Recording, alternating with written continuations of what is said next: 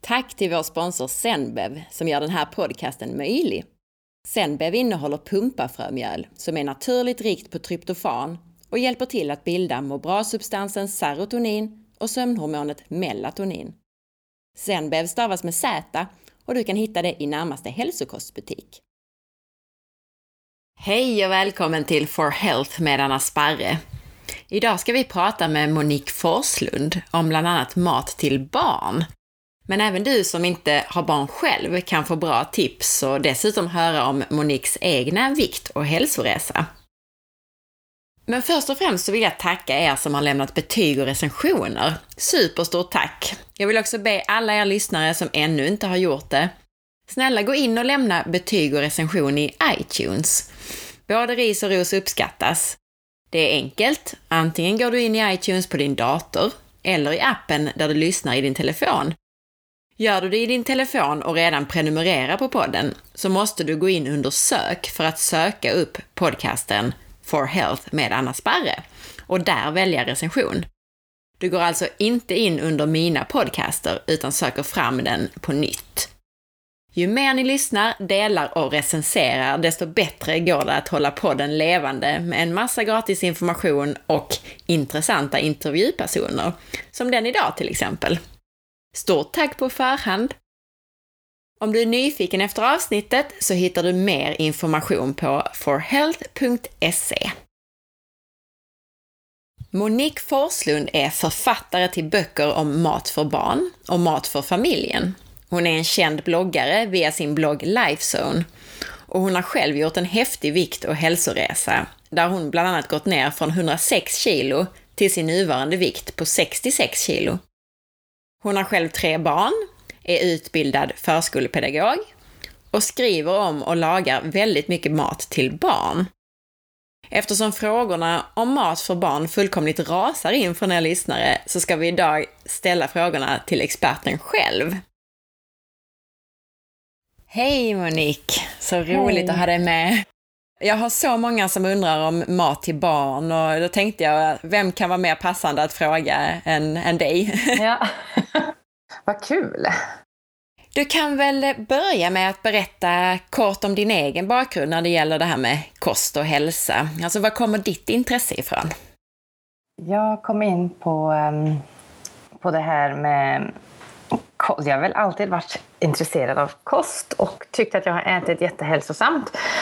Um, från och till under min uppväxt, men har alltid varit överviktig. Och, um, det har aldrig hjälpt. Den hälsosamma kosten som jag lärde mig hjälpte mig aldrig. Och även om jag tränade så hjälpte det inte heller. Så jag gick liksom aldrig ner i vikt. Jag kanske gick ner några kilo och sen gick man upp igen. Och, ja, det här jojo. Och sen alltid beroende ändå av socker. Så det liksom blev ju däremellan att äta stora mängder av det som var fel. Men så började jag med en pulverdiet för några år sedan och tyckte att det här var ju jättelätt för då var det ju väldigt tydligt och klart. Man äter pulversoppa tre gånger om dagen och sen så var det inget annat man behövde tänka på. Så det var ju väldigt enkelt och då mm, gick jag ner ganska mycket i vikt. Men så småningom så skulle jag ju försöka börja äta riktig mat igen och åt väldigt strikt GI och då åt jag inget godis och kakor och chips och snacks och socker och så. Men ändå så gick jag upp ett kilo i veckan. Så jag kände att ja, men jag får panik. Och då um, hittade jag det här med LCHF.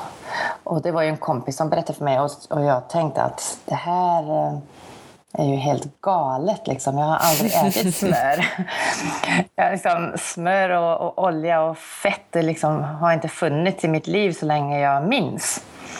Så, eh, men jag tänkte det är lika bra att testa det också. Så att uh, allt annat har ju inte funkat så att jag har inget att förlora.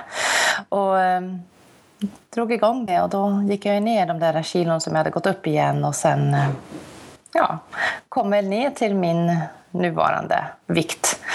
Så det är väl en kortfattad historia, men, men det jag kan säga är att kampen är ju konstant. Den går ju aldrig över.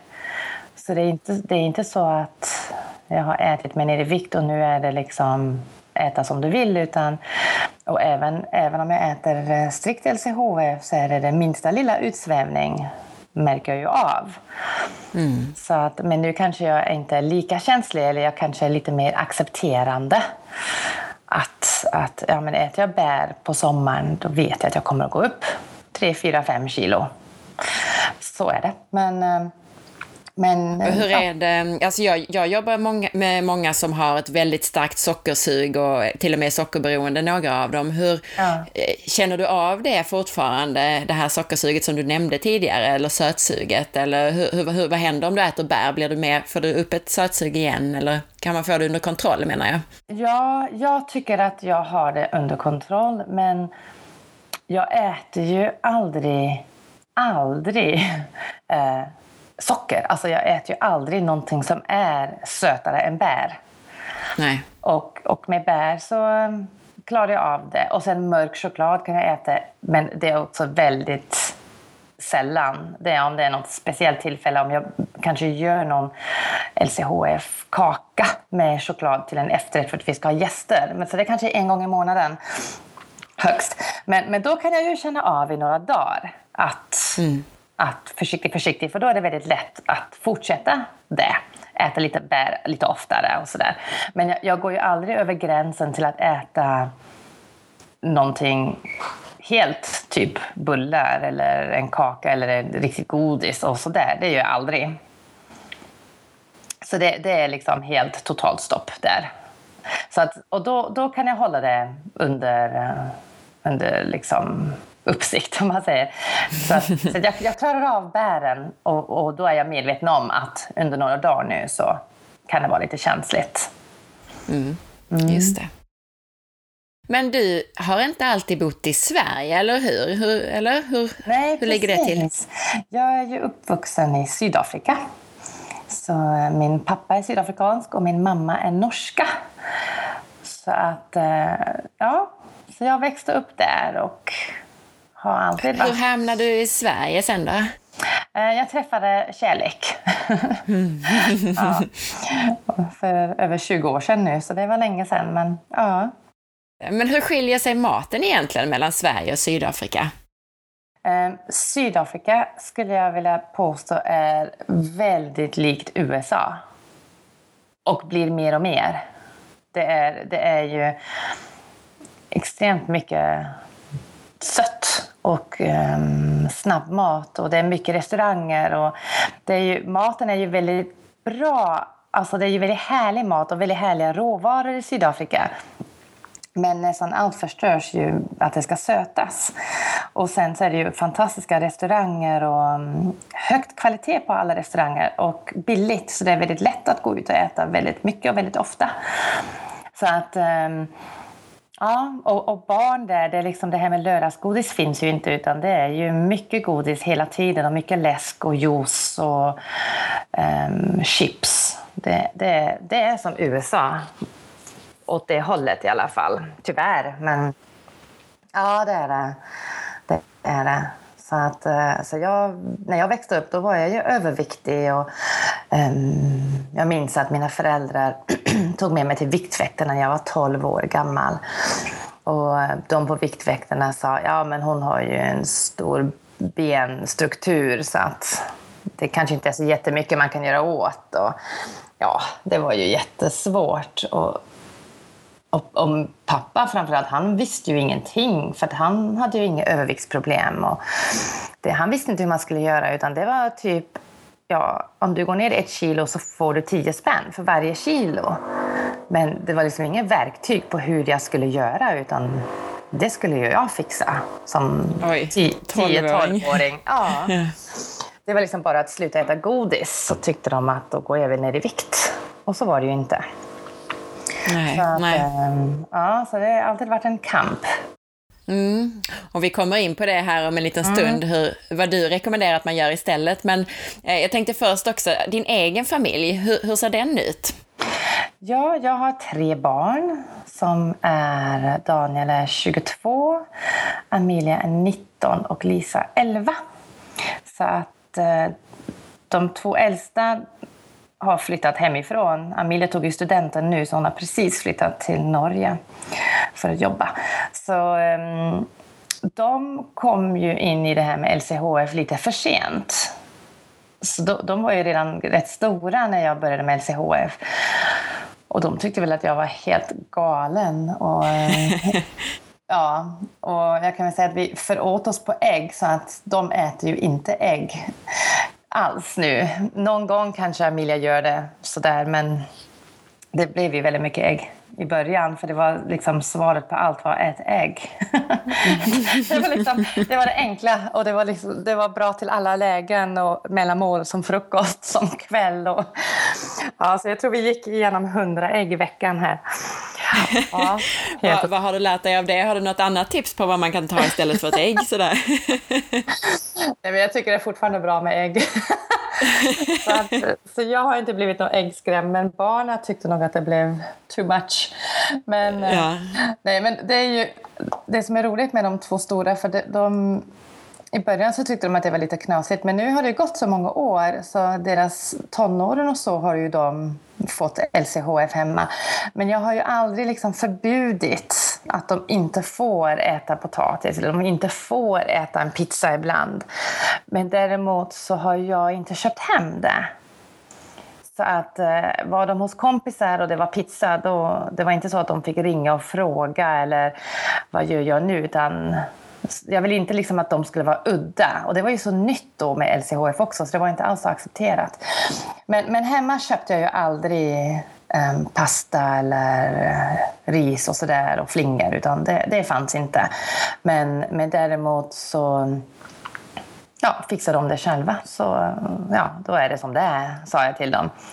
Um, det, det enda jag verkligen förbjöd var allt som innehöll 621. E621. Just um, glutamat, ja. Ja, precis. Det var det enda jag sa. Att köper ni hem någonting med det, då ryker det direkt. För det ska ni inte ha. Så, och det, det köpte de, för det var, jag tog fram information och biverkningar på det. Och det, var liksom, det, det köpte jag dem direkt. att Nej, men det ska vi inte. Så det, det tittar de i alla fall efter, att de inte ska ha någonting med det i. Mm. Berätta men, för våra lyssnare mm. vad, vad det är för biverkningar som kan uppstå om man äter E621. Ja, det är, det är, det är ju svårbevisat egentligen, men, men det man misstänker då, om man googlar och läser på, så är det um, huvudvärk, migrän, eh, hjärtklappning, illamående.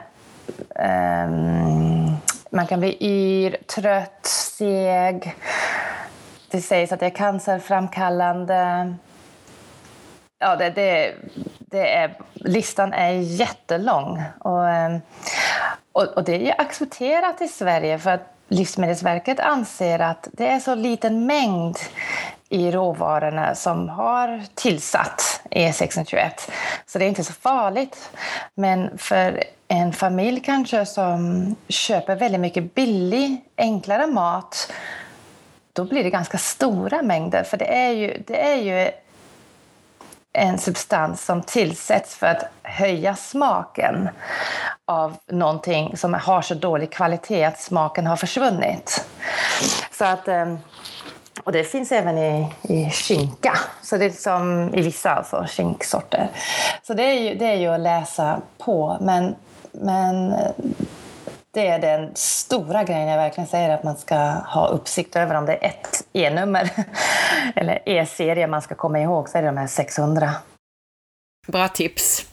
Jag tänkte, du, du sa ju det här med dina äldre barn, att de fick mm. Eh, äta egentligen som de ville, eh, mm. men du köpte inte hem någonting eh, mm. som var onyttigt. Hur är det med ja. din yngsta dotter nu när du liksom har lite erfarenhet? Gör du likadant med henne? Um, jag kan bara säga en sak där till med, med min son där, Daniel, för han har ju lidit av migrän sedan han var sex år gammal. Och, och under de senare tonåren där, när, när det blev det här med LCHF, så såg ju han ganska stor skillnad och varje gång han fick ett migränanfall så sa han nu lovar jag, nu ska jag äta LCHF för det här orkar jag inte med. och så gjorde han det kanske i en vecka. Och sen så blir han ju bra och sen så, det är som vilket sockerberoende som helst, så är inte motivationen stark nog efter den veckan tills nästa anfall. Men det han säger idag, och båda i alla fall, Amelia också, är att den dagen vi vet um, eller vill äta hälsosamt eller har någon jättebehov för det så vet vi exakt hur vi ska göra. Alltså kunskapen har de. Och det för mig är det absolut viktigaste. Att mm. förmedla kunskap utan tvång, även om det kan vara svårt för tonåringar. Men få fram bara det, så att det inte blir det här anti. Att nej gud, sånt som mamma äter så ska jag aldrig göra. Oh, hon är helt galen. Utan eh, bara informera. Det här blir påföljden. Det här händer med blodsockret om du äter potatis och chips. Och, ja. Så det är det jag känner mig ganska trygg i. Att de säger i alla fall att kunskapen har de. Så att när de känner för det så gör... Och Amelia hon går ju igenom stadier också. 19-årig tjej. Att hon ska äta LCHF. Och då är hon är jätteduktig. Så att, så att, eh, ja. Och Lisa hon har ju... hon är 11. Så hon, det här är liksom det hon kan. Så hon har liksom inte um, hunnit bli helt förstörd innan. Så att hon har ju växt upp på det här. Och, eh, och det är väl samma, på ett sätt samma där. Att, att jag förbjuder ju inte saker när hon är borta eller hos kompisar eller går på kalas. Däremot så kan jag ju säga att hon ska um, ta det försiktigt med det hon äter. Hon har liksom växt upp med det här ifrån början. Så att hon vet att det ska vara riktigt smör och det ska vara full fet mjölk och um, den biten. Och sen är hon hos någon annan som sagt, då blir, är det juice till frukost. och tar hon ju lite och då säger hon det till mig, jag tog lite juice idag. Men hon vet ju att jag tycker att tar man så tar man lite av det. Och är det, och är det så att det är något kalas eller någonting och det är läsk, jag är ju helt totalt anti-läsk. Men är det så att, att alla andra tar och hon, alltså hon är ju som alla andra barn vill ju gärna ha sött. Så det, det är inte frågan om det. Hon är ingen under eller undantag heller utan finns det så vill hon ju ha. Men hon vet ju att det räcker med ett halvt glas och så är det bra. Förstå, märker hon någon skillnad själv i, i vad som händer i hennes kropp eller, eller vad är det bara vad du har sagt som hon, hon vet om så att säga? Ja, jag vet inte. Jag tror inte hon äh, märker av det så markant. Jag tror inte det, jag tror inte det är strikt nog äh, däremellan. För det är ju fortfarande skolmat och hon äter smörgås ibland till frukost med surdegsbröd och sådär. Så och potatis och så. Och frukt äter hon ju rätt mycket. Så, att, så att det, är inte, det är inte det här strikta. Och hon har liksom inga behov för det heller. Hade det varit något barn med en diagnos så tror jag det är jätteviktigt med strikt. Um, men, men så är det inte, utan hon är helt normal, viktig och ja, som vilken 11-åring som helst. Så att det, det funkar med de sakerna, med frukt och så. så att, ja, men däremot så kan jag, kan jag säga att det som hon ser skillnaden är um, mättnaden. Det säger hon. När hon äter lunch hemma på loven eller på helgen så är hon betydligt mättare längre än när hon äter i skolan. Och samma med mellanmålet så vet jag när, när hon gick på fritid så jag hämtade så kunde hon säga att um, Åh, det var ju smörgås idag, men du vet ju det där är, då blir man ju inte mätt. Hur äter ni i din familj? Alltså om vi börjar med frukosten till exempel. Hur ser det ut i din familj på frukosten? Vad äter ni för någonting?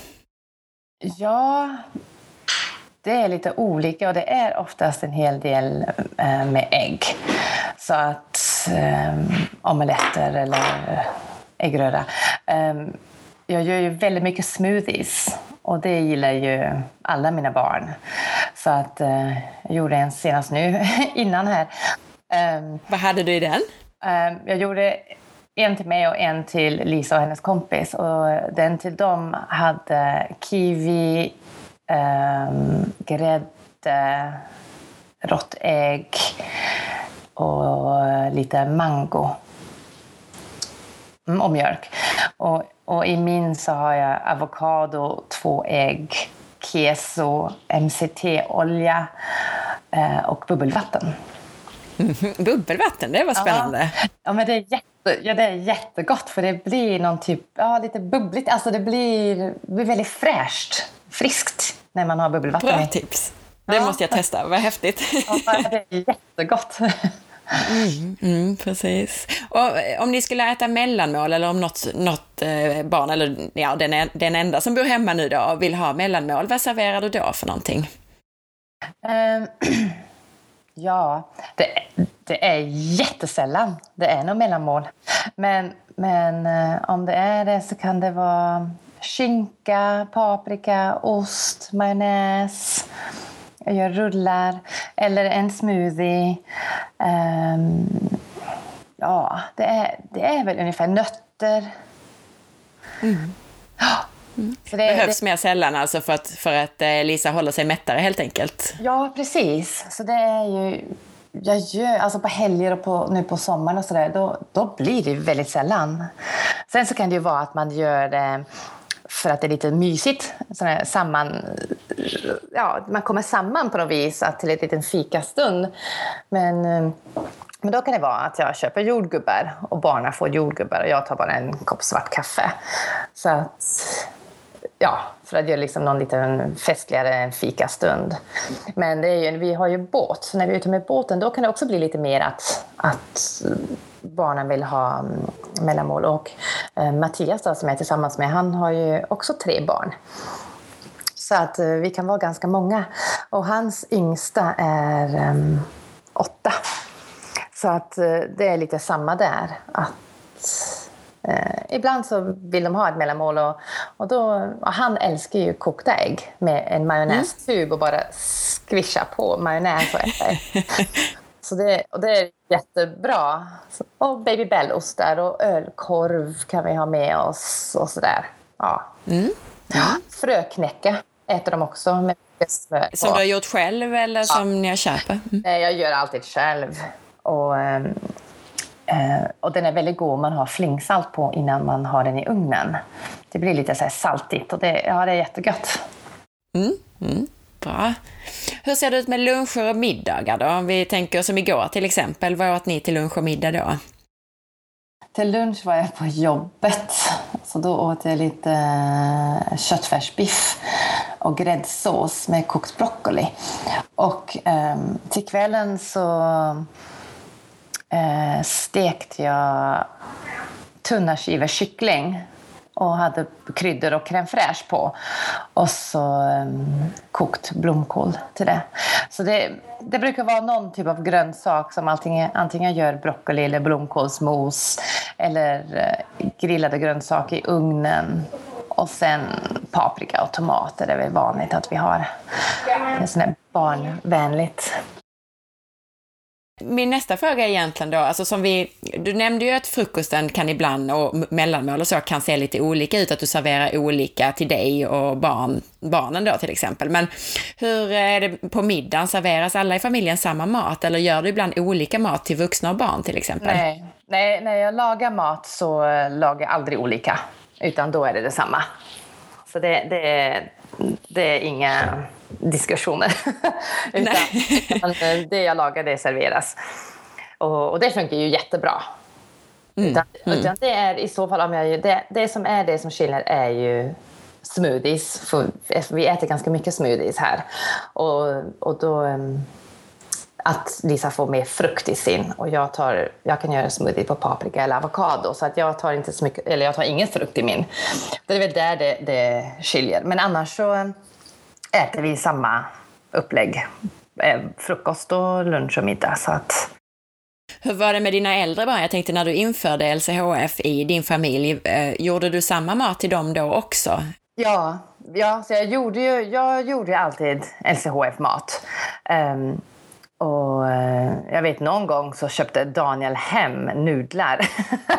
han tyckte det var liksom helt, den bara tog tvärstopp, slut här hemma. Och då köpte han ju hem det och då fick han ju göra det. Men, men det var inte så ofta, alltså det var någon enstaka gång. Utan de, de sa ju det, alltså det allra, allra första när jag började, då började jag utan att köra det med barnen. Men då var ju liksom deras reaktion att du äter ju bara det goda. Du vet, liksom bara det goda och såsen liksom. För jag menar, det är inte så många som äter bara potatis torrt som det är eller ris som det är, utan det är ju det som är till som är det, det goda. Så att det var väl så, så det gick ju inte alls många veckor innan de sa men du behöver inte göra ris till oss eller potatis till oss, vi vill också bara ha det goda. Så, att, så det är liksom, maten i sig har aldrig varit något problem med något av mina barn, för de har alltid gillat alltså god vällagad mat med sås och så. Utan, utan det som kan vara det som var jobbigt och som de tyckte var snabbmat. Alltså det här med kompisar, pizza och hamburgare och den biten. Att eh, jag tvärslutar att köpa allt sånt. Um, och det var det som de kunde tycka ibland att, ja, att det var lite tråkigt och jobbigt. Så att var det så att någon gång de köpte hem då fick de göra det men det var aldrig någonting jag stod för eller betalade. Nej. Så, nej. Okay. Ja, men det är bra. Det är bra att få lite tips på hur man kan göra i sin egen familj. För jag vet många som, som tycker att det är, är lite av ett problem när de själv ska ändra maten. Måste jag laga dubbelt eller hur ska jag göra? Hur ska ja. jag införa det till mina barn och så? Så det är jättebra tips. Toppen. Ja. Och jag menar Mattias då som, eh, vi är ju särbos eftersom vi har så pass mycket barn så vi har liksom inte valt att flytta ihop våra barn. Och, och, men där är det inte alls så um, enkelt med maten. För han, Mattias äter jättestrikt LCHF också. Och, um, och det började ju bara så här att han Ja, jag kanske ska testa sån här mat som du äter. För det enda jag ser är att du har så otroligt mycket energi. Och det vill jag också ha. Men annars hade han inga, liksom, han hade inga viktproblem. Eller, det var inget annat som han ansåg var fel, förutom att han var så trött på eftermiddagarna. Och då skulle han börja, och han började med en vecka och jag sa en vecka är ingen idé utan en månad eller inget för du får inget resultat efter en vecka liksom. Men eh, och han körde en månad och sen så bara har han fortsatt för han mår så himla bra. Men hans barn tycker inte att de stora, han har ungefär lite yngre än mina barn men ganska lika åldrar med en lite yngre och sen två äldre. Och de, de vill inte ha det här. Och det, och det är nog lite olika hur man har det med den andra föräldern och hur den påverkar också. Så, så han, när vi är där, då blir det huvudgrejen i måltiden, om man säger köttet eller vad det nu är, den är ju densamma. Men sen så gör han eh, klyftpotatis kanske då, till barnen eller ris. Så, att, eh, så, så det är lite olika. Så jag säger inte att det som jag har gjort med mina barn att det är det enda och, och att det alltid funkar, för det, det tror jag inte det gör. Och speciellt inte tonåringar som är liksom vana sitt sätt att äta och vill ha. För jag menar, det är ju det är klart att många tonåringar och barn gillar ju pasta och ris och potatis. Det de får ju en bra kick, socker, liksom, det är ju så. Blodsockret går ju upp och man får en energikick. Så, att, så, så jag kan tro det är svårt att ta bort. Men, men om man ska... Eh, jag vet många frågor jag får är just det här, ja men om de äter även pasta, och potatis och ris och även skolmaten, ska man inte dra ner på fettet? Eller kan man kombinera båda? Och det är väl den frågan man får fundera över själv, hur man vill. Men jag vet de gånger jag har pratat med mm, kostdoktorn om det här, nu var det ganska länge sedan om just det här, men då kom vi båda fram till att, att det är väl bättre att de får en bra LCHF-grund med mycket fett som ändå mättar. För då blir det förhoppningsvis i alla fall mindre utav skräpet därefter. Så att få de, en riktig, ja, får de en riktigt bra stadig frukost som är fettrik så är den betydligt mättare när lunchen kommer i skolan. Och äter då troligen mindre mängd än om de hade fått en fettsnål frukost och är vrålhungriga till lunch. Mm. Jag har precis samma strategi. Jag har en liten son, så jag har precis samma strategi. Jag ger honom eh, eh, antingen någonting med ägg, bananpannkaka med mycket ägg och lite banan till exempel, eller ja. avokado eller någonting på morgonen innan han åker till förskolan för att ja. eh, han ska äta mindre, mindre pasta och sånt där. Ja, precis. Hur gammal är han då? Han är ett och ett halvt bara. Oh. Så att, eh, ja. Så att än så länge så har, har jag makten över hans mat kan man säga. Ja, precis. Men eh, ja, nej men precis. Och jag tror också verkligen, det jag tänker också är att barn behöver ju mycket fett för att kunna växa och bilda nya celler och hormoner och annat. Så att eh, jag tycker att även om de får eh, kolhydrater i, i skolan eller förskolan så, så är det ju bra att ge dem fett så de får det fett de behöver helt enkelt. Ja men absolut. Ja. Men apropå det tänker jag med eh, just eh, dagis eller förskole och skolmaten. Du nämnde ju att dina barn äter som alla andra barn i skolan, men eh, jag tänker på det här med gluten och så. Det kommer ju allt mer forskning på gluten och kopplingen till autoimmuna sjukdomar och, och sådär. Och så tänker, även om man inte ger mjöl hemma så är det ju pasta och bröd och flingor som serveras i skola och förskola. Hur, hur illa är det egentligen att barnen får mat med gluten i skolan, tycker du? Ja, alltså det ideala vore ju att det togs bort. Men, men samhället idag är ju inte byggt upp så än. Så, så, så då kanske det är lika bra att de får liten mängd, um, även som små, för att inte det ska bli någon chock för kroppen när de kommer till skolan och förskolan. Men, men jag tror absolut att man kan dra ner otroligt mycket på allt sånt som innehåller gluten. Ah, och skolan skulle kunna göra så mycket om de bara hade lite mer kunskap. Precis.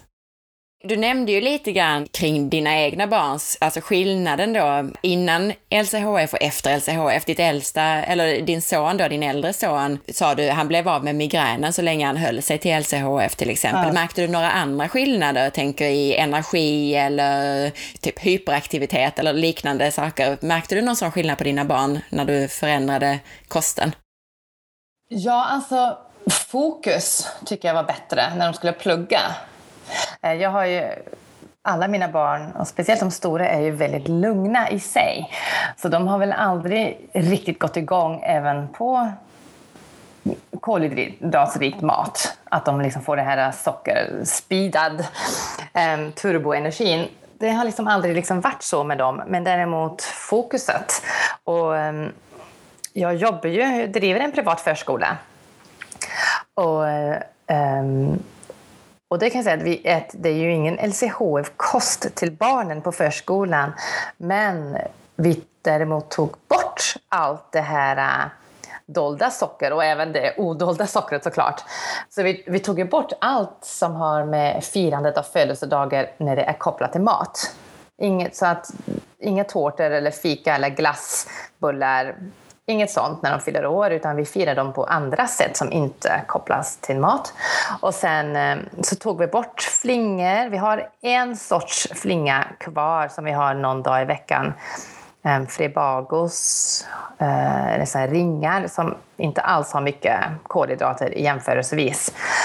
Ehm, men annars så har vi liksom tagit bort alla de här vanliga flingorna och fruktyoghurt tog vi bort. Ehm, alla krämer såklart, juice, eh, chokladpudding och, och och allt sånt som var väldigt vanligt. Ehm, och som fortfarande förekommer på ganska många förskolor. Men det, det, tog vi bort och det är säkert vad kan det vara, fem, sex år sedan. Och förde in istället mycket ägg, ehm, köttrik korv till mellanmål, då, man säger. Ehm, um, Fincrisp som knäckebröd. Och vi gör smoothies på bär och rysk yoghurt och grädde tre till fyra gånger i veckan till mellanmål.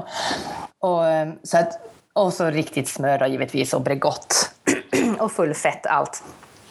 Och där kan jag se en enorm skillnad i helheten på barngruppen ifrån hur det var innan. Och speciellt det första året när vi hade den barngruppen vi hade då och ändrade kosten till efter, ja, efter en tid när man började titta på. Då var det ju jätteskillnad um, ehm, på konflikter och humörsvängningar och det här äh, efter en timme när de kom och sa jag är hungrig, jag vill ha mat, jag är hungrig. Och sen så är det ju så på en förskola, man kan inte bara gå och mata barn eh, stup i kvarten utan man har sina måltider. Det är frukost och det är lunch och det är mellanmål.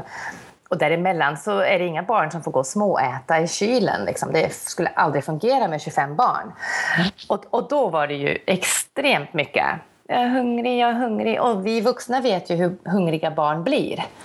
Det blir ju jätterastlöst och okoncentrerat och aggressivt och utåtrikt, alltså utåtagerande. Den skillnaden är helt, helt otrolig. Så nu, är det ju, nu äter de ju Um, nu får de ju, de äter sig verkligen mätta och vi har alltid majonnäs till, framme till lunchen. Och de älskar majonnäs, barnen. Det är helt otroligt. För de ser ju hur, hur, vi är ju några vuxna på förskolan som äter SIHF rätt strikt. Och vi tar ju alltid majonnäs och de ska ju göra som vi gör. Och, um, och vi tvingar dem aldrig att um, äta ris och potatis. Och, vi tvingar dem aldrig att äta överhuvudtaget egentligen. Men, men det är ju det här, många är ju för det här att man ska äta lite av allt och du måste smaka och du får inte äta mera köttbullar om inte du äter potatis och den biten. Och så gör vi inte.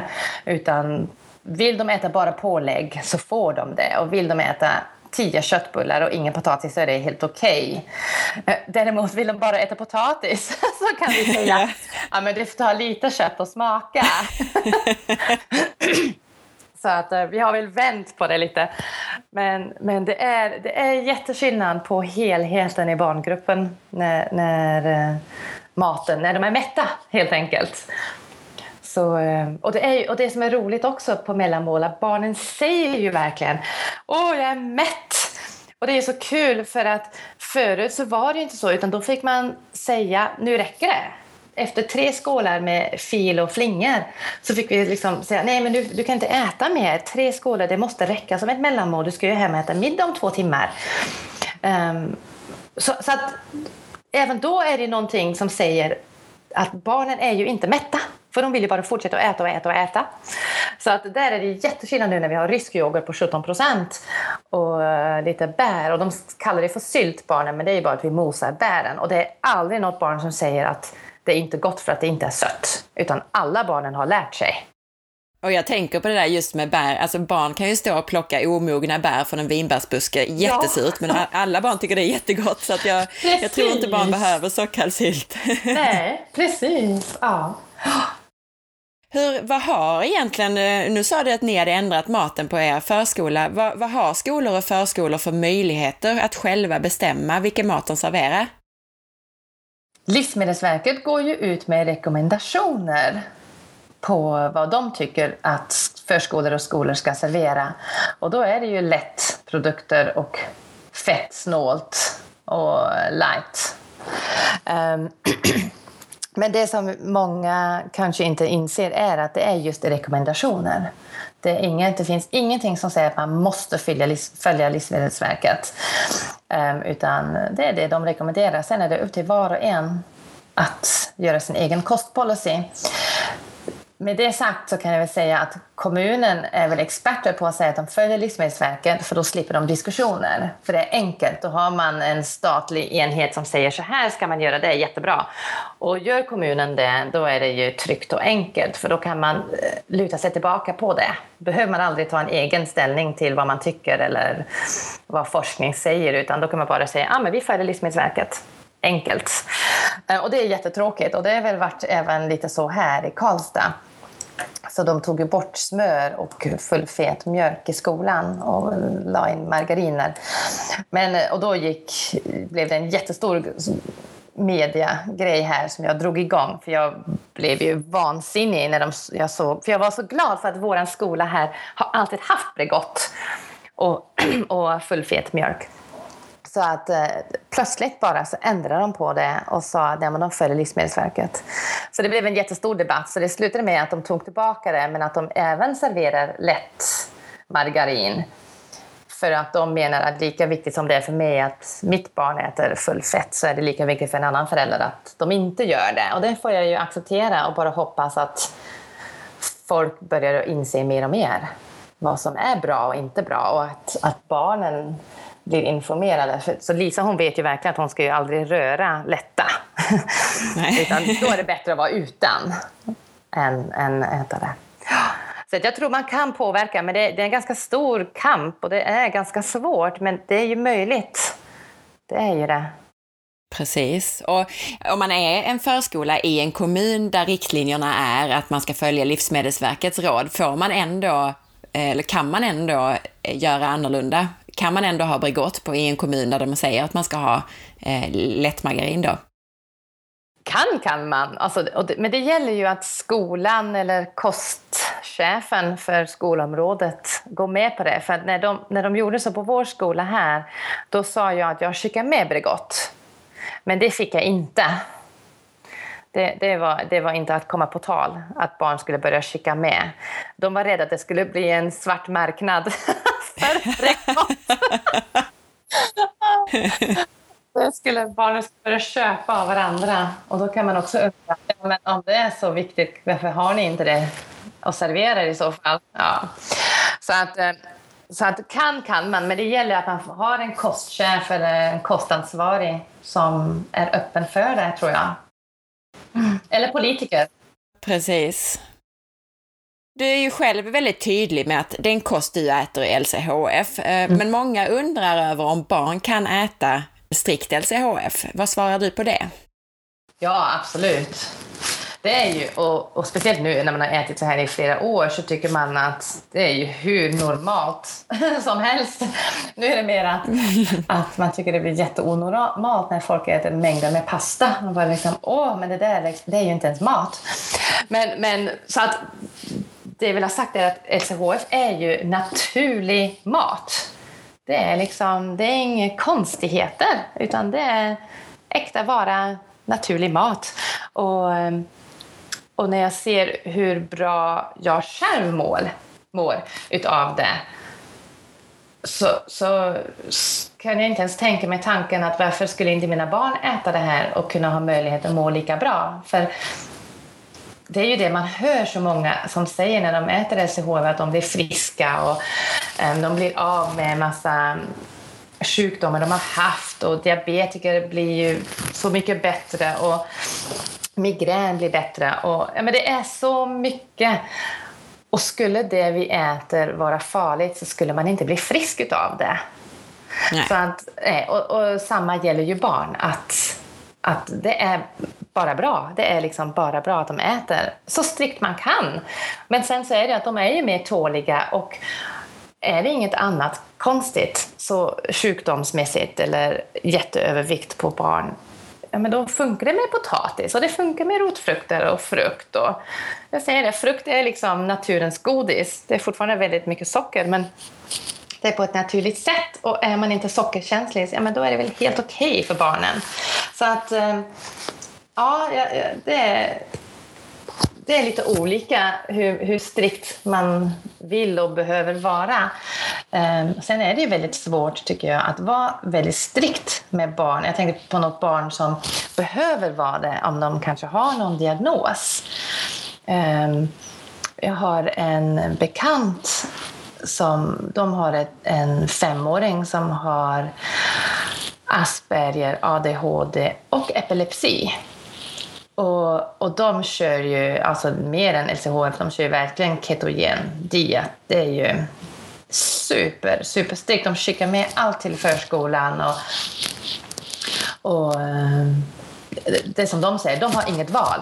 Vi har inget val för att all den medicinering han måste ta den är, det är så mycket biverkningar så det vi kan göra, det vill vi. Och kan man göra det genom att bara ge bra mat så det är klart vi gör det. Och de kan ju minska på medicineringen men inte alls och inte hela tiden. Men det är klart att barn han är ju fortfarande fem år så det är klart att han ser att alla andra äter så det är inte att de inte vill.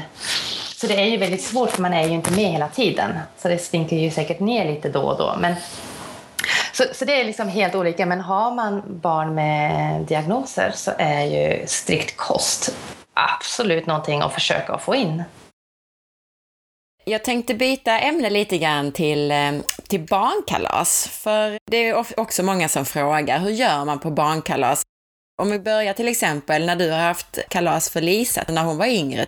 Hur har du gjort då? Vad har du serverat och, och hur har du sett på det? Ja, jag har ofta en, eh, ett upplägg som är kring en måltid. Så att det antingen varit någon lunch eller en middag så att de får mat. Ehm, och sen eh, så har jag gjort... Ehm, någon gång har jag haft en vanlig tårta bara för att det inte skulle skilja sig ifrån, ifrån början där, ifrån andra barn och så. Men sen så, det, det vanliga jag gör är ju sån här vattenmelontårta när man skär bort det gröna då, skalet och skär tårtan så att den blir ju i en tårtform, eh, vattenmelonen så att det blir som en tårtform. Och så grädde på det och jordgubbar. Och barnen älskar ju det, för jag menar det, de flesta barn verkligen gillar ju vattenmelon. Så de äter ju verkligen och tycker det är jättegott. Så den, den rekommenderar jag otroligt mycket att göra en vattenmelontårta. Och sen så eh, har jag gjort, eh, istället för kokosbollar eller chokladbollar så gör jag daddelbollar med dadlar. Och det funkar också jättebra för dadlar i sig är ju söta. Så att, och det är ju det, barn kopplar ju kalas till sött. Um, och sen alltid att jag har även Baby Bell-ostar. Det är också lite festligt och det, många barn älskar det också.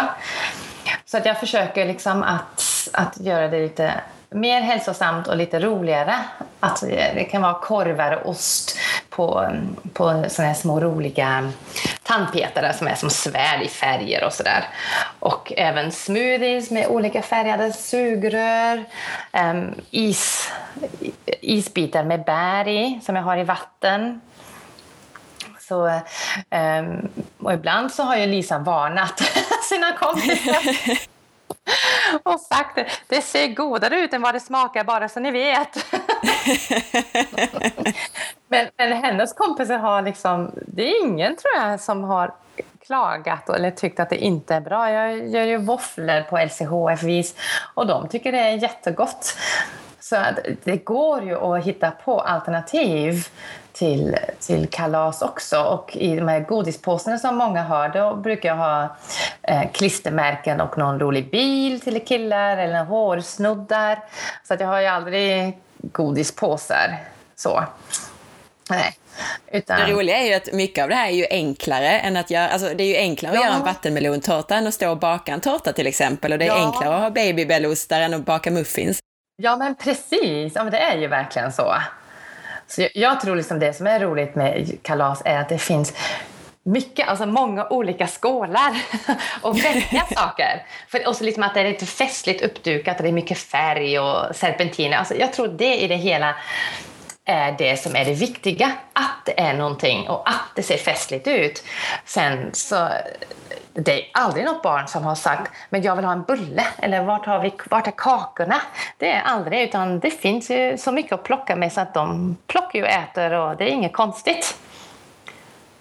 Så jag, jag, tror det är vi vuxna som, som har den bilden av hur det borde se ut och hur det ska se ut.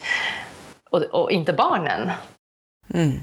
Men hur gör man tvärtom då, när man är bjuden på kalas, hur har Lisa gjort? Du nämnde nu när hon är äldre så kan, kan hon, då är hon ju medveten och kan ta ja. ett halvt glas läsk. Men när hon var yngre, hur gjorde du då när, om du följde med henne till exempel på ett kalas? Vad, hur gjorde ni då? Um, ja, jag har ju, ja, jag vill liksom inte att hon ska sitta där och tycka att jag får inte och alla andra får. För det, det, tycker jag är väldigt tråkigt. Och det var ungefär så jag hade det som när jag var liten, när mina föräldrar skulle försöka få mig att gå ner i vikt. Så var det ju att mina syskon fick ju choklad och godis, men jag fick inte. För att jag var ju tjock. Och det, och, och det tyckte jag var ju så himla orättvist och det gjorde ju så ont. Och så, så vill jag inte. Så att när, vi har, när hon har varit bortbjuden på kalas så har hon ju fått ta det som är. Men, men liksom att det räcker, det, räcker, ja, det räcker med en bulle och det räcker med en bit tårta och lite saft. Men däremot så kan man be om vatten också, för hon älskar ju vatten. Hon har ju växt upp på vatten. Så det är inga konstigheter att hon eh, tar vatten istället för saft. Utan det, det tror jag är en väldigt vanesak. Och barn som är van att dricka vatten från början och inte det här söta. Det, det är liksom inte det här, åh det är synd om mig som dricker vatten. Utan hon, tycker det, hon älskar vatten och tycker det är väldigt gott. Så att det är liksom inga, det är, det är inget svårt. Men eh, nej, så det, det är ju det att jag Ja, nej, efter, ja, hade hon haft, eller hade jag haft ett barn som hade en sjukdom eller diagnos, då hade jag tagit med någonting eget helt enkelt till ett kalas. För då, då har man andra anledningar att verkligen köra strikt. Men, men med mina barn så har inte det varit så aktuellt. Men samma med godispåsen när hon har fått. Då har jag sagt att du får ta med den hem och antingen spara eller så. Oftast har den glömts bort och då har jag slängt den. Men eh, för det är ju sådär, ja, men du får spara den till, nu har det varit nog med sött på kalaset så du får spara den till nästa lördag. Och sen när hon har varit liten så, ja, hon har ju glömt bort det där. Perfekt. Så har jag slängt den när jag har sett den efter några veckor. Bara, nej. Och det, det är rätt roligt för att jag har ju verkligen växt upp med att man slänger ingen mat. Och häromdagen så var jag jobbade, eh, jobbade var jag handlade till jobbet en massa pappersprodukter och sådär. Och då hade de, när de packade kassen, slängt in en massa lösgodis i papper då, men löst i påsen. Så när jag kom till jobbet och packade upp så var det nog en 20 stycken små godisar. Och det, och det för hade jag varit sådär, ja men jag spar det här för det är liksom, gud man kan inte bara slänga, jag spar det för att det, någon vill väl ha det någon gång sådär. Men nu, nu det är ju aldrig ont i mig att slänga godis. Det är liksom, det är bara ja, bort! ja. vad bra. Ja. Jag tänkte, det här, apropå kalas och tillställningar och så, så fick jag en lyssnarfråga till dig och det är en lyssnare som heter Elin och hon skriver så här. Någonting jag tänker väldigt ofta på är hur man ska göra med de här ständiga situationerna man är i med mormödrar, vänner och så vidare, där det, alltså hos en farmor och farfar eller så, där det alltid serveras socker i stora mängder. Så vad, vad säger du Monique och hur gör du när du är hos till exempel barnens farmor och farfar eller mormor och morfar? Jag säger alltid nej tack. Det är så, alltså det, jag, jag, tycker man ska aldrig sympatiäta. Man ska aldrig äta för att göra någon annan glad eller göra någon annan nöjd. Och, och visst, det, det, kan vara jättejobbigt, för jag vet, speciellt de äldre, det ska vara sju olika sorters kakor och de fixar och dukar och alltihop. Men jag tror så länge man säger ja och tar då kommer ju det att fortsätta. Utan jag tror att man får vara ganska tydlig om man nu väljer att vara strikt. Och jag är ju så. Jag, jag skulle aldrig tacka ja till kakor. Så att eh, jag har ju alltid varit tydlig från första början om, om jag varit bortbjuden och sagt det. Jag vill att du ska veta att jag kommer inte att äta kakor och inte äta efterrätter. Så för min del behöver du absolut varken baka eller duka fram. Men för om det är fler och sådär så är det liksom, det är helt upp till dig. Men jag kommer inte att äta det. Ja. det Men hur har du gjort med Lisa då, när du har tagit med henne då till farmor och farfar eller mormor och morfar? Har, har hon ätit kakorna och så, eller hur gör du där? Ja, lite olika, men, men de, alla i min omgivning vet ju vad jag tycker och vet min ståndpunkt i det här och vet att jag vill inte att hon ska äta det till vardags och eh, knappt till fest. Så jag, jag, har ju liksom sagt att utav respekt till mig så vill inte jag att ni bjuder på sockerrikt om det är bara vi som kommer. Utan då är det bättre med en frukt eller en fruktsallad eller eh, lite bär. Ja, det, det liksom räcker. Glas mjölk. Så att, eh, mm. Så att vara tydlig då mot ja. alla vänner och familj och, och, till och med ge dem tips på vad de kan servera. Är det ja, ett, ett ja. bra råd? Absolut. Och sen så det är klart, jag har ju varit hos kompisar som tycker liksom att jag är extrem och har liksom sagt till Lisa Åh, nu ska du få lite saft, stackars dig som aldrig får sånt hemma. Här får du saft. Och då, för då vet jag, att, eller vet jag, upplever att de gör det bara för att. Och då kan jag säga jättetydligt, nej, det blir det inte. Hon ska inte ha saft nu, det är tisdag eftermiddag. Hon ska inte ha saft, så är det, punkt slut. Så det är lite olika hur hur, hur det görs också och vem det är. Men, men eh, överlag så tycker jag saft och läsk, det kan man alltid tacka nej till. Men det är väl det här om någon har bakat speciellt för att man kommer och sådär. Och, och Lisa vill ju ha, så, det, så är det ju. Och då kan hon få, men hon får en liten, en liten bit kaka eller en kaka, sån här hård kaka eller en liten bulle. Och så är det bra. Mm. Så, eh, ja. Men det är, det är liksom inte det här dagligen och vi går ju sällan bort på fika. Så. Så att, eh, och det är samma när vi går på stan, för det, eh, hon tycker också det är väldigt mysigt att gå på stan och fika. Och då kan vi gå på café, men hon får ju alltid te. En kopp te och jag tar en kopp kaffe och så är det också bra så. Så fika behöver ju inte vara att man äter en bulle. Utan eh, det räcker med att man bara gör det här, att går iväg och sitter någonstans och det är folk och det händer lite och lite mysigt. Men hon är jättenöjd med en kopp te. Hon älskar ju det. Så att Perfekt, vad bra. Mm. Och vi har ju pratat ganska, eller du har varit inne ganska mycket på vad, vad barn mår bra av för mat, alltså det här fullfeta och eh, behöver inte den här tomma energin och sådär. Men vad är, om vi tänker på några specifika saker som är viktiga att barn ska få i sig, vad, vad, vad ska man tänka på att barn ska få i sig för någonting? De ska absolut få i sig fett. För det behöver hjärnan och eh, kroppen och de växer och det är ju energi. Så det, fett behöver de absolut. Och sen protein är ju också väldigt viktigt. Att de har bra proteinkällor. Så att eh, det är väl det som är det viktiga tycker jag. Protein och mm. fett. Mm. Det låter som ett ägg. ja, ägg är ju perfekt. Ja, och C-vitamin då. ja, just det. Just det. Ja, ägg har ju allt förutom C-vitamin. Så, att så lite ja. grönsaker till det då? Mm. Precis, ja. Och det, och det är ju det. C-vitamin är ju, finns ju massor i paprika och kål. Mm. Så, um, ja, så det, så det är väl det. Och sen omega-3 tycker jag och D-vitamin tycker jag också är mm. viktigt. Ja. Så fisk och solljus? Ja, ja mm. precis. Vilka vanliga fel gör vi ofta när det gäller mat till barn? Det är, tycker jag, att det blir alldeles för mycket snabba kolhydrater som ökar blodsockret och gör dem uppspelta många gånger. Och sen kommer dippen och det här humörsvängningar. Och barn älskar ju, alltså generellt så älskar barn kolhydrater. Så är det. Ehm, och jag tar. jag skulle tro att barn känner av den här kicken med energin. Att det ger mycket energi, att kroppen säger det direkt. Så att eh, därför är det viktigt med fettet, för det ger ju också energi, men på ett bra sätt.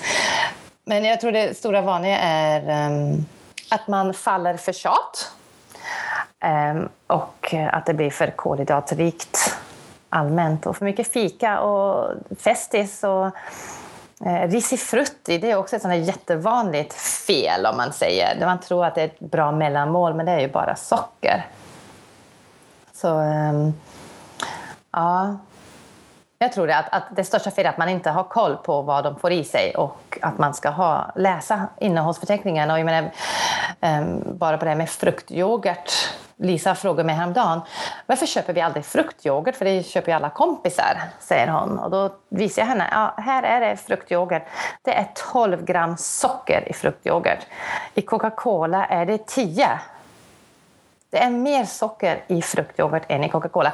Och det kan jag säga att Lisa är ju väldigt medveten om att jag säger socker är inte bra. Punkt slut. Jag, jag, pratar aldrig med henne om det här med övervikt och att man inte ska äta socker på grund av vikt. Det vill jag inte lägga in någon värdering över, även om jag själv har haft den resan. Men den är inte hennes resa, utan det är min resa. Men däremot så får hon absolut veta att socker är inte bra. Sen får man alltid i sig socker någon gång sådär, såklart. Um, men, men när det är så tydligt att det står här 12 gram socker, då är inte det här någonting du ska ha. Helt enkelt. Så, att, um, så där är jag väldigt tydlig att socker är en bov till mycket dåligt. Ohälsa. Och jag tänkte spinna vidare på det, när du säger hur du pratar med Lisa, för att det har kommit eh, flera frågor. Den övergripande frågan är egentligen hur man pratar med barn om mat och jag ska läsa upp två stycken lyssnarfrågor bara så får ja. du lite, lite kött på benen också. Ja. För vi har eh, Vivica som lyssnar och hon frågar, på bloggen så frågar hon, eh, en fråga relaterad till barn som jag har funderat på lite hela tiden. Mm. Jag har en dotter på snart tre år som jag sedan starten har gett Paleo eller LCHF. Och nu börjar hon vara medveten i sociala sammanhang om vad andra äter till exempel. Och jag vill inte heller ha några egentliga förbud. Mm. Det jag vill är att kunna förklara på ett jätteenkelt, kortfattat sätt som hon kan ta in varför det inte är bra för hennes kropp med framförallt mm. socker och spannmål och tillsatser. Mm. Och jag vill att hon själv ska ta ställning när hon ställs inför val och så vidare utan mm. så mycket regler och pekpinnar ju äldre hon blir. Och jag tror att rätt sätt att ge henne kunskap för bra egna val, i alla fall oftast, eh, men jag har svårt att hitta ett bra sätt att uttrycka det på. Mm. Jag vill hemskt gärna ha lite hjälp med detta och det skulle vara intressant att höra hur du skulle formulera det med några få meningar och tydligt för ett barn. Hälsningar Vivica. Mm. ja. ja, och det är väl det att lägga fokus på att socker inte är bra. Att, att socker används mycket som en utfyllnad för att eh, få saker sött, för att människan, människan i natur vill äta sött för det är gott. Eh, men däremot så är socker farligt för kroppen. Det är orsak till många sjukdomar och ohälsa. Jag tror liksom för barn så behöver det inte vara krångligt. Mer än att för mycket socker kan göra dig sjuk sen i livet. Du kanske inte blir sjuk imorgon, men om du äter mycket socker ifrån nu liksom ända fram tills du är vuxen så finns det sjukdomar som ja, diabetes eller ja, som, som påverkas av sockret. Så jag, jag tycker det kan vara ganska enkelt och det här att man kan få ont i magen. Jag menar, så har ju jag sagt på förskolan när barnen har frågat mig från början där att varför äter inte du det här? Varför gör inte du så? Varför ska inte du smaka på det? Och då har jag bara sagt att ja, jag får ont i magen. Och speciellt när det är mjölsaker, för det är verkligen så. så att allt med mjöl ger jätteont i magen när man inte är van att äta det. Så att, och, och barn tar ju det. Det är, så, det är så vanligt idag med allergier. Alla känner någon, säkert någonstans, som har någon form av allergi eller känslighet. Så, det, så liksom, idag är ju det så öppet och vanligt och det är så accepterat att man äter olika och annat och inte det ena och inte det andra. Så att, ja, och du vet något barn frågade mig någon gång, är du allergisk? Nej, inte direkt allergisk, men jag är känslig. Så att jag får ont i magen och jag kan få huvudvärk om jag äter socker. Och jag får ont i magen när jag äter mjöl. Ehm, jag tycker de, de köper det ganska bra. Ja. Kort och gott. Ja, jättebra tips. Eh, det var en annan lyssnare som skrev lite liknande, men lite annorlunda ändå. För, och hon skrev, eh, det är en lyssnare som heter Elin och hon frågar eh, hur man pratar med sitt barn utan att det blir en issue för dem. Alltså, jag pratar ofta med min dotter på fyra år om vad som är bra för kroppen och vad som är mindre bra, eh, eftersom hon skulle valt kakor och saft hela dagen om hon hade fått välja själv. Ja. Men jag tänker att det sen i en tonårshjärna kan leda till att hon ändå förvränger det till ätstörningstänkande. Vad säger du om det? Ja, vad svårt. Och ja, det är ju inget man kan bestämma i förväg, men jag upplever att mycket med ätstörningar är, handlar om vikt och utseende. Och ehm, att man ska ta bort eller äta på det här sättet för att gå ner lite i vikt. Och om jag äter så så um, kommer jag gå upp i vikt och det vill jag inte. Och, så jag, jag, tror mycket av, av det hänger ihop med viktdiskussioner och viktproblem. Och därför tycker jag det är otroligt viktigt, även om man har ett barn som är överviktig, att man inte säger du ska inte äta det här på grund av din vikt. Eller du kommer att gå upp i vikt av det här. Utan håll det bara till att det här är hälsosamt för kroppen allmänt. Eh, det, det, tror jag är en jättestor eh, grej. Och just det här med förbud, att det inte blir förbud.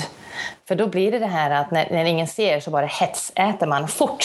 Nu ser ingen, mamma vet inte eller pappa vet inte och jag åker och köper det här och bara smäller i mig en påse chips fort innan jag kommer hem.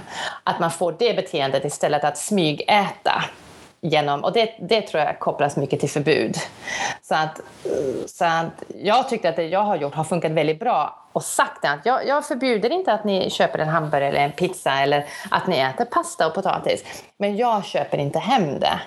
Men, men eh, vill ni köpa hem det eller vill ni ha det, då gör ni det. För det respekterar jag, har jag sagt. För att det är ju, jag väljer att äta det så här för min skull. Men däremot är det viktigt att försöka dra ner på socker och så, och så det här E-numret. ja, just det. Med din egen erfarenhet bara som överviktig i, som ungdom då, eller barn, vad hade du velat, alltså hur skulle en vuxen ha sagt till dig, hur skulle en vuxen ha gjort och pratat med dig om mat? Hur gör man om man har ett överviktigt barn? Jag, jag tror nu med, med det jag vet idag att det absolut bästa hade varit om de hade haft kunskap om just lågkolhydratskost att jag kunde ha ätit mig mätt och fått bort sötsug. För det, det, var absolut mitt som tonåring. Jag tyckte att jag var konstant hungrig för att jag åt ju så fettsnålt och skulle inte ta två eller tre gånger mat för att då blev det så mycket mat och att eh, sötsuget att det jag åt var ju ändå mat som fick mitt blodsocker att gå upp och så får man det här sötsuget. Så att, så att jag är helt övertygad om alla som har övervikt. Får man bort sötsuget så har man kommit så långt på vägen. Och samma med barnen, att får man in den typ av kost som inte ger blodsockerkurvor upp och ner så försvinner ju suget och försvinner suget så är så mycket vunnet. Mycket av det vi pratar om här bygger på vad vi är gjorda för att äta. Inte så mycket kolhydrater och, och sådär, men mejeriprodukter, ost och mjölk och grädde, det är ju ingenting som vi har ätit under evolutionen. Hur, hur ser du på mjölkprodukter? Ja, alltså... Mm, jag kan väl säga att jag tror det är ganska bra att undvika det. Men det blir så himla tråkigt, tycker jag. och då, tycker jag, då, är det, då är det en mindre farlig sak att undvika än socker. Um, men, men det här med att, att man ska dricka mjölk, det kan jag tycka, det kan man bara ta bort. Både för barn och vuxna och alltihop. Så, så jag tror det blir en lätt överkonsumtion av mejerier och mjölkprodukter. Det tycker jag absolut. Så att där kan man verkligen dra ner på massor. Så jag tycker inte man behöver ha de här jättemängderna med mejerier. Men tycker man att det är gott och man vill gärna göra en sås med grädde i så tycker jag att det Jag personligen gillar ju det och tycker det är helt okej. Okay. Um, ehm, men jag tycker också att det är fantastiskt bra att undvika det om man kan och får till det. Och när ni serverar rysk yoghurt då äter man ju mycket mindre mängd mejeriprodukter ja, än när man precis. äter eh, mjölk eller filmjölk. Ja, absolut. Hinner du med en sista fråga om bebisar och, ja. och, så. För att många undrar ju det här med gröt och välling och sådär. Och då har jag en lyssnarfråga specifikt. Eller egentligen två lyssnarfrågor. Den ena då är det här med järn och då är det hennes BVC-sköterska som säger att det är bra med köpegröt och köpevälling eftersom det, det har tillsatt järn. Mm. Och den andra lyssnarfrågan är också på det här då med, med gröt och välling, om det är okej okay att ge sin bebis helt glutenfri mat eller om man ska ge lite gluten ibland enligt då BVCs och Livsmedelsverkets rekommendationer. Uh. Hur ser du på detta? Um, om vi tar den andra frågan där då, med, med gluten. Det är ju, alltså jag är inte helt säker åt något håll med det. För det, är, det finns för lite utforskat om just om det är bra att ta bort gluten helt för bebisar. För att samhället är ändå uppbyggt på att de kommer att äta gluten i skolan och förskolan. Så att, och då är det frågan om inte det är bra att de får det lite då och då så att magen ändå är något vande. Så är det nog jag tänker och rekommenderar. Men, men jag har inte det tydliga svaret på det. För att jag, jag tror det är för lite forskat för barn som äter helt glutenfritt och sen plötsligt börjar på förskolan och nu är det smörgås två gånger om dagen.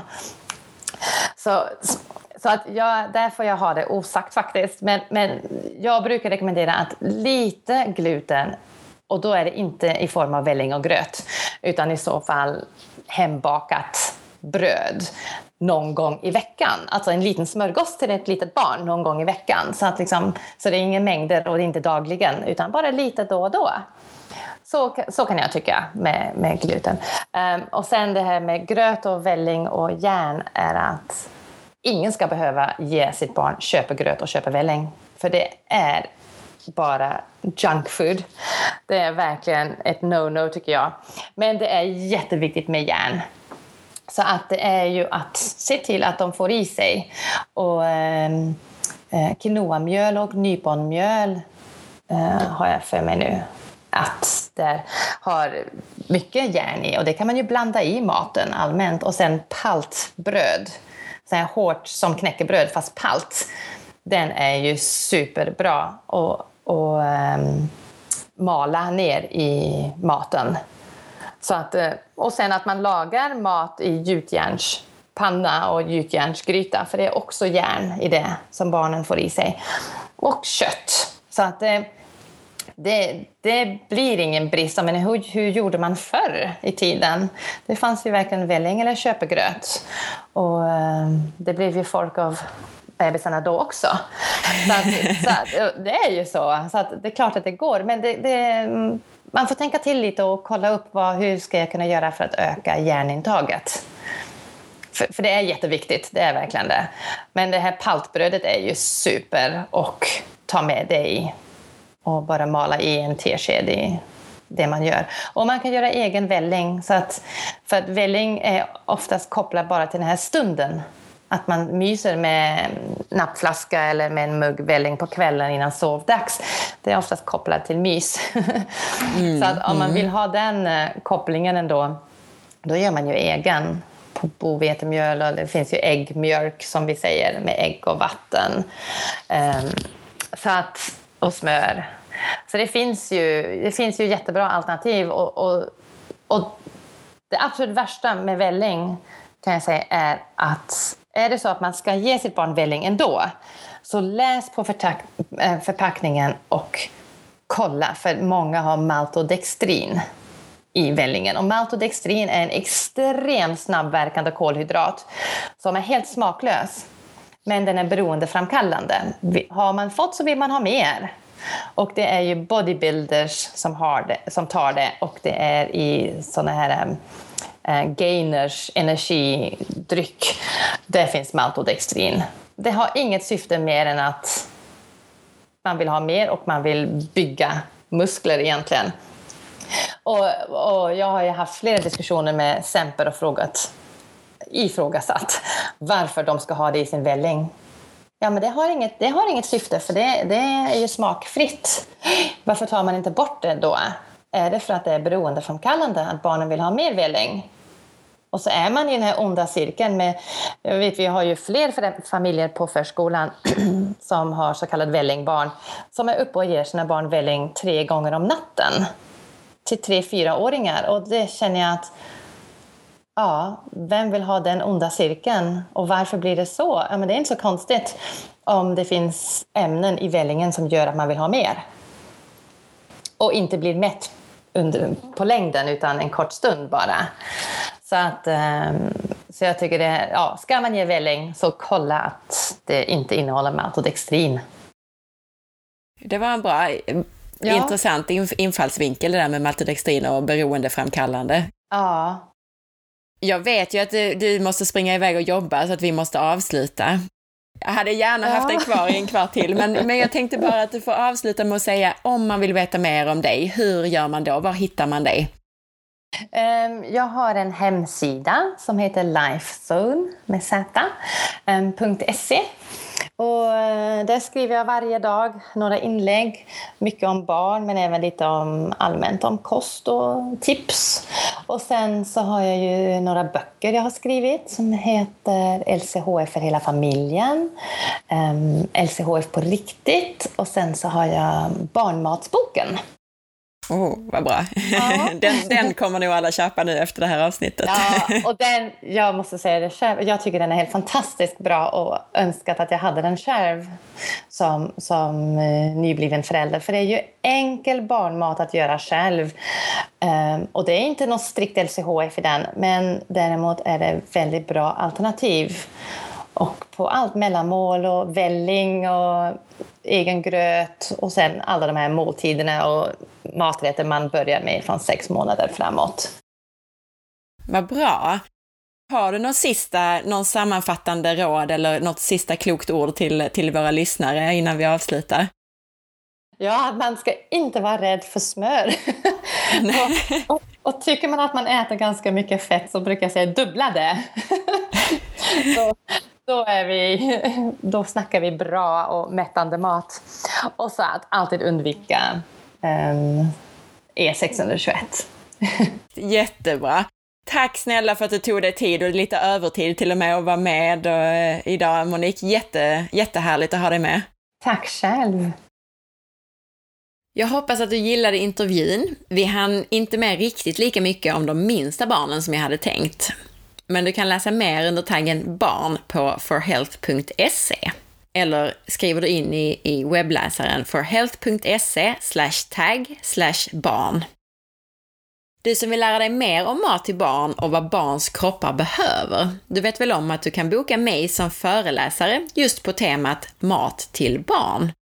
Jag föreläser bland annat på förskolor, skolor och i privata grupper. Tack för att du lyssnade! Om du gillade podcasten så glöm inte att dela med dig till vänner, familj eller varför inte på Facebook. Ju fler lyssnare, desto större möjligheter har jag att göra bra avsnitt. Tack på förhand! Och missa inte heller att följa med på facebook.com forhealth.se och på Instagram under signaturen asparre. Gå nu in i iTunes och lämna betyg och recension. Och titta gärna in på bloggen på forhealth.se och berätta till exempel vad ni tyckte om avsnittet här idag med Monique. Och så kan du ju önska intervjupersoner och ställa frågor där på bloggen också. Ha en riktigt härlig dag så hörs vi snart igen.